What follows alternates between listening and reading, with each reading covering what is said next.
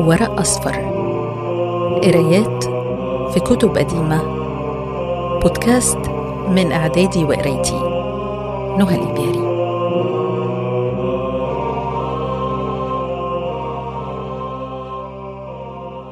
الكتاب الأول كليلة ودمنة.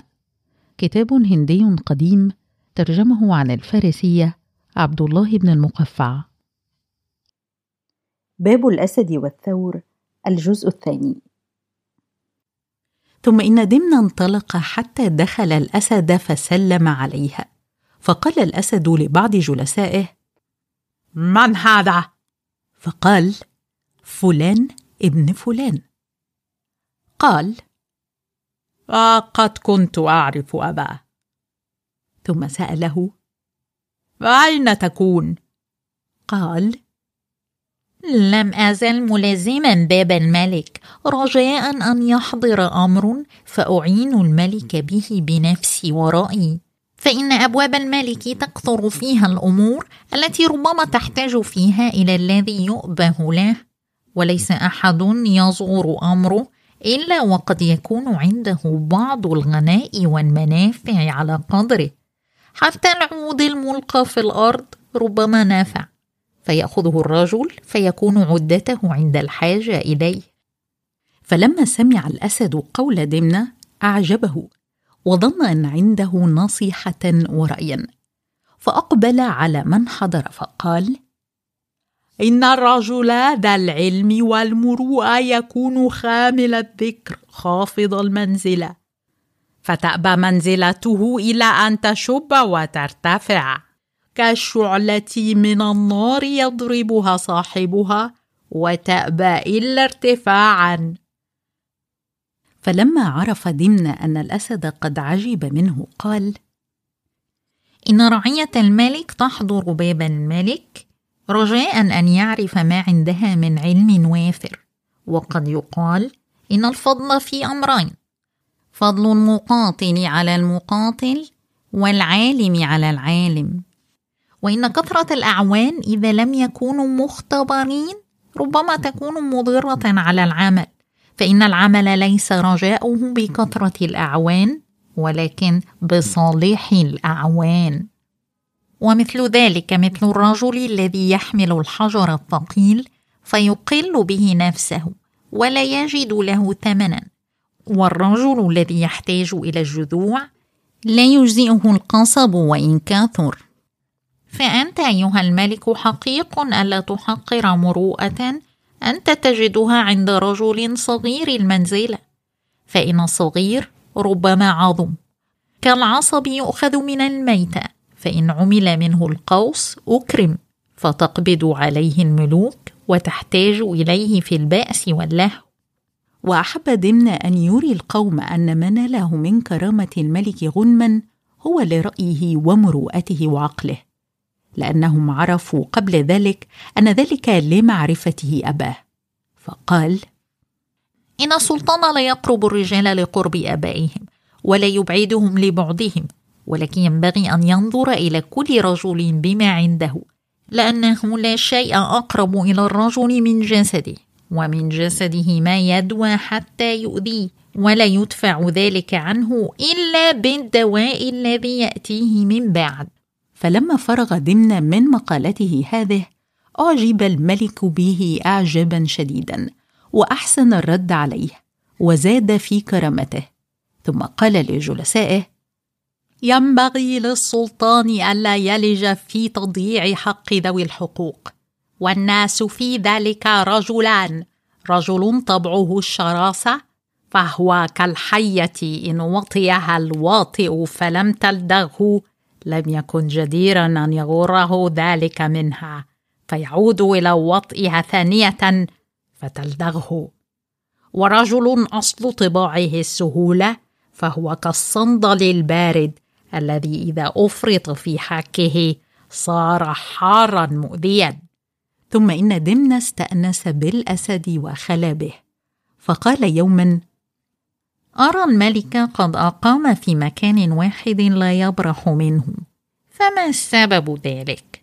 فبينما هما في هذا الحديث إذ خار شترب خوارا شديدا. فهيج الأسد وكره أن يخبر دمنه بما ناله.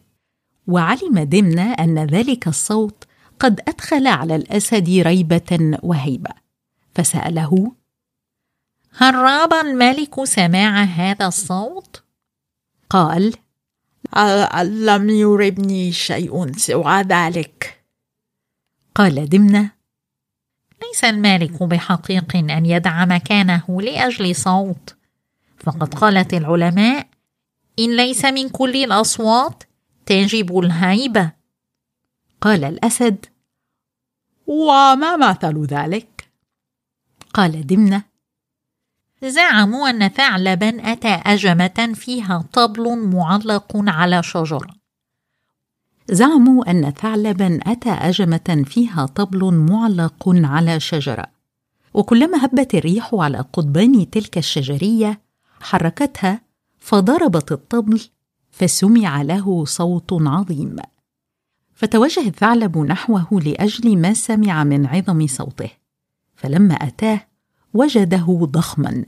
فأيقن في نفسه بكثرة الشحم واللحم فعالجه حتى شقه فلما رآه أجوف لا شيء فيه قال لا أدري لعل أفشل الأشياء أجهرها صوتا وأعظمها جثه وإنما ضربت لك هذا المثل لتعلم أن هذا الصوت الذي رعنا لو وصلنا إليه لوجدناه أيسر مما في أنفسنا. فإن شاء الملك بعثني وأقام بمكانه حتى اتيه ببيان هذا الصوت. فوافق الأسد قوله فأذن له بالذهاب نحو الصوت. فانطلق دمنة إلى المكان الذي فيه شتربة. فلما فصل دمنة من عند الأسد فكر الأسد في أمره وندم على إرسال دمنة حيث أرسله وقال في نفسه وأصبت في ائتمان دمنة وقد كان ببابي مطروحا فإن الرجل إذا كان يحضر باب الملك وقد أبطلت حقوقه من غير جرم كان منه أو كان مبغيا عليه عند سلطانه أو كان عنده معروفا بالشره والحرص أو كان قد أصابه ضر وضيق فيما ينعيشه أو كان قد اجترم جرما فهو يخاف العقوبة منه أو كان يرجو شيئا يضر الملك وله منه نفع أو يخاف في شيء مما ينفعه ضرا أو كان لعدو الملك مسالما ولمسالمه محاربا. فليس السلطان بحقيق أن يعجل بالاسترسال إليه والثقة به والائتمان له. فإن ضمن داهية أريب وقد كان ببابي مطروحا مشفوا ولعله قد احتمل علي لذلك ضغنا ولعل ذلك يحمله على خيانتي وإعانة عدوي ونقيستي عنده. ولعله صادف صاحب الصوت أقوى سلطانا مني فيرغب به عني ويميل مع علي. ثم قام من مكانه فمشي غير بعيد فبصر بدمنة مقبلا نحوه فطابت نفسه بذلك ورجع إلى مكانه.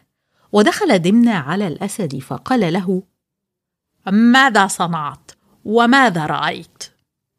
قال رأيت ثورا هو صاحب الخوار والصوت الذي سمعته. قال فما قوته. قال لا شوكة له وقد دنوت منه وحاورته محاورة الأكفاء ولا يصغرن عندك أمره فإن الريح الشديدة لا تعبأ بضعيف الحشيش. لكنها تحطم طوال النخل وعظيم الشجر. لا تهبن أيها الملك منه شيئا ولا يجبرن عليك أمره. فأنا آتيك به ليكون لك عبدا سامعا مطيعا. قال الأسد دونك وما بدلك. فانطلق دمنة إلى الثور فقال له غير هائب ولا مكترث إن الأسد أرسلني إليك ليأتيه بك.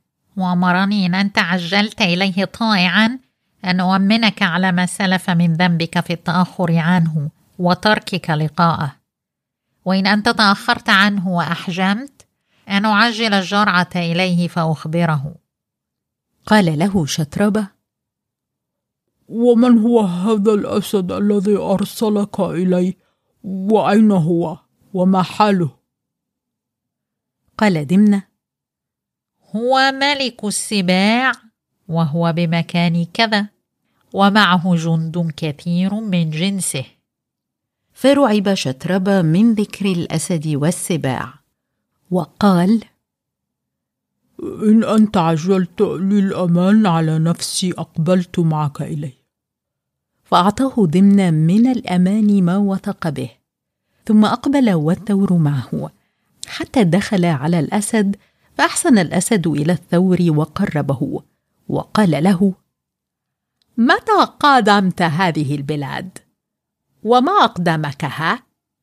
فقص شطربة عليه قصته فقال له الأسد اصحبني والزمني فإني مكرمك. فدعا الثور وأثنى عليه.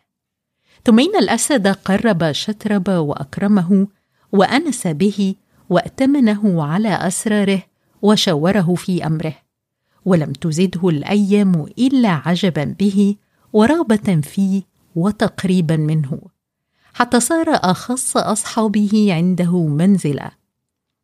فلما رأى دمنه أن الثور قد اختص بالأسد دونه ودون أصحابه وأنه قد صار صاحب رأيه وخلواته ولهوه حسده حسدا عظيما. وبلغ منه غيظه كل مبلغ. فشكى ذلك إلى أخيه كليله وقال له ألا تعجب يا أخي من عجز رأيي وصنعي بنفسي ونظري فيما ينفع الأسد؟ وأغفلت نفع نفسي حتى جلبت إلى الأسد ثورا غلبني على منزلتي.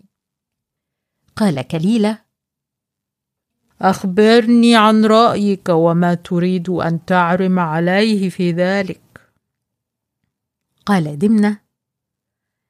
أما أنا فلست اليوم أرجو أن تزداد منزلتي عند الأسد فوق ما كانت عليه ولكن ألتمس أن أعود إلى ما كنت عليه فإن أمورا ثلاثة العاقل جدير بالنظر فيها والاحتيال لها بجهده. منها النظر فيما مضى من الضر والنفع.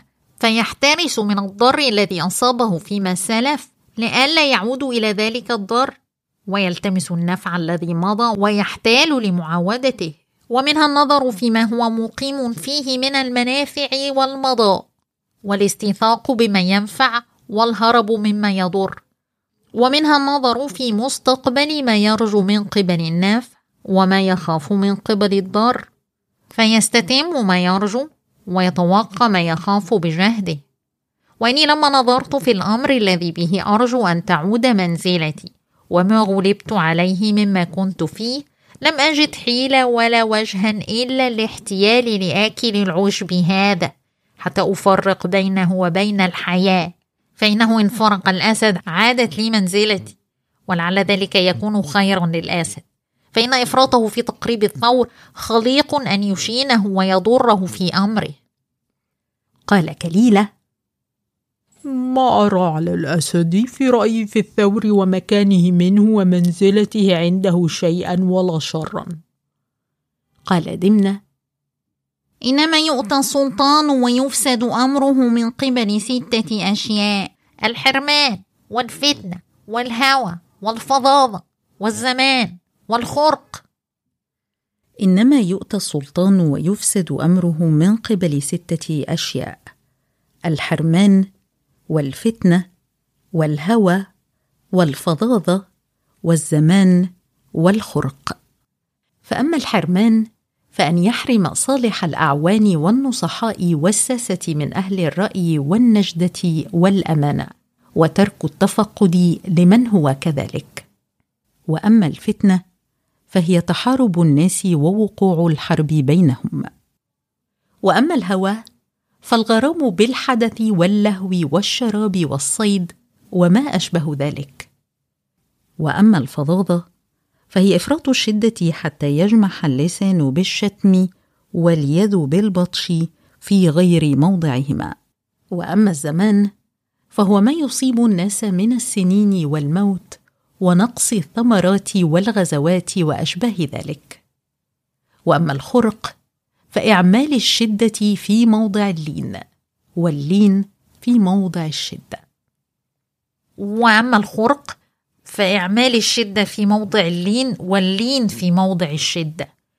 وإن الأسد قد أغرم بالثور إغراما شديدا والذي ذكرت لك أنه خليق لأنه يشينه ويضره في أمره. قال كليلة وكيف تطيق الثور وهو أشد منك وأكرم على الأسد وأكثر أعوانا؟ قال دمنه لا تنظر إلى صغري وضعفي فإن الأمور ليست بالضعف ولا القوة ولا الصغر ولا الكبر في الجثة. فرب صغير ضعيف قد بلغ حيلته ودهاؤه ورأيه ما يعجز عنه كثير من الأقوياء. أولم يبلغك أن غرابا ضعيفا احتال لأسود حتى قتله قال كليلة وكيف كان ذلك؟ قال دمنة. زعموا أن غرابا كان له وكر في شجرة على جبل. زعموا أن غرابا كان له وكر في شجرة على جبل وكان قريبا منه جحر ثعبان أسود. فكان الغراب إذا فرخ عمد الأسود إلى فراخه فأكلها فبلغ ذاك من الغراب وأحزنه فشكى ذلك إلى صديق له من بنات اوى وقال له ها أريد أن مشاورتك في أمر قد عزمت عليه. قال وما هو؟ قال الغراب آه قد عزمت آه أن أذهب اليوم إلى الأسود إذا نام. فأنقر عيني فأفقأهما لعلي أستريح منه. قال ابن أوى بئس الحيلة التي احتلت. فالتمس امرا تصيب فيه بغيتك من الأسود من غير أن تغرر بنفسك وتخاطر بها واياك ان يكون مثلك مثل العلجوم الذي أراد قتل السرطان فقتل نفسه. قال الغراب آه وكيف كان ذلك؟ قال ابن عوى زعموا أن علجوما عشش في أجمة كبيرة السمك فعاش فيها ما عاش ثم هرم فلم يستطع صيدا. زعموا أن علجوما عشش في أجمة كبيرة السمك فعاش بها ما عاش ثم هرم فلم يستطع صيدا فاصابه جوع وجهد شديد. فجلس حزينا يلتمس الحيلة في أمره. فمر به سرطان فرا حالته وما هو عليه من الكآبة والحزن. فدنا منه وقال مالي أراك أيها الطائر هكذا حزينا كئيبا؟ قال العلجوم وكيف لا أحزن؟ وقد كنت أعيش من صيد ما ها هنا من السمك. وإني قد رأيت اليوم صيادين قد مرا بهذا المكان. فقال أحدهما لصاحبه إن هنا سمكا كثيرا أفلا نصيده أولا؟ فقال الآخر إني قد رأيت في مكان كذا سمكا أكثر من هذا السمك فلنبدأ بذلك. فإذا فرغنا منه جئنا إلى هنا فأفنيناه. وقد علمت أنهما إذا فرغا مما هناك انتهيا إلى هذه الأجمة فاصطاد ما فيها. فإذا كان ذلك فهو هلاكي ونفاذ مدتي.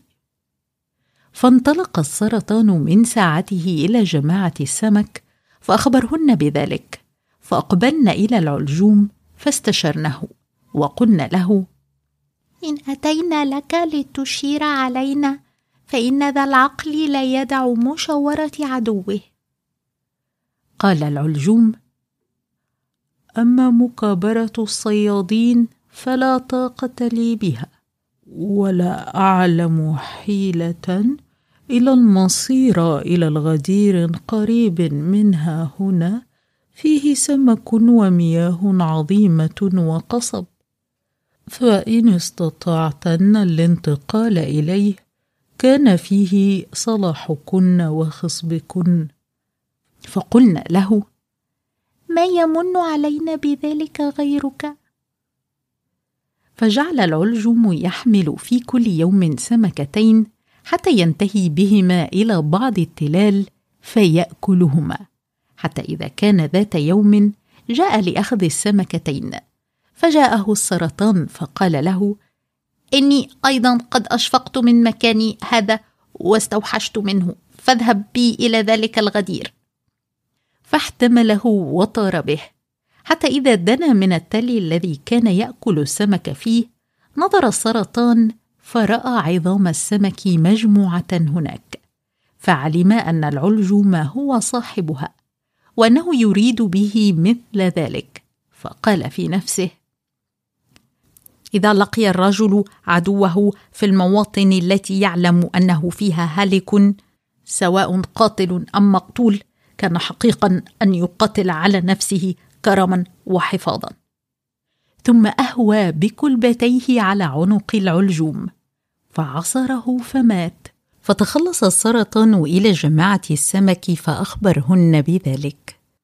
وإنما ضربت لك مثل هذا المثل لتعلم أن بعض الحيلة مهلكة للمحتال ولكن يدلك على أمر إن أنت قدرت عليه كان فيه هلاك الأسود من غير أن تهلك به نفسك وتكون فيه سلامتك.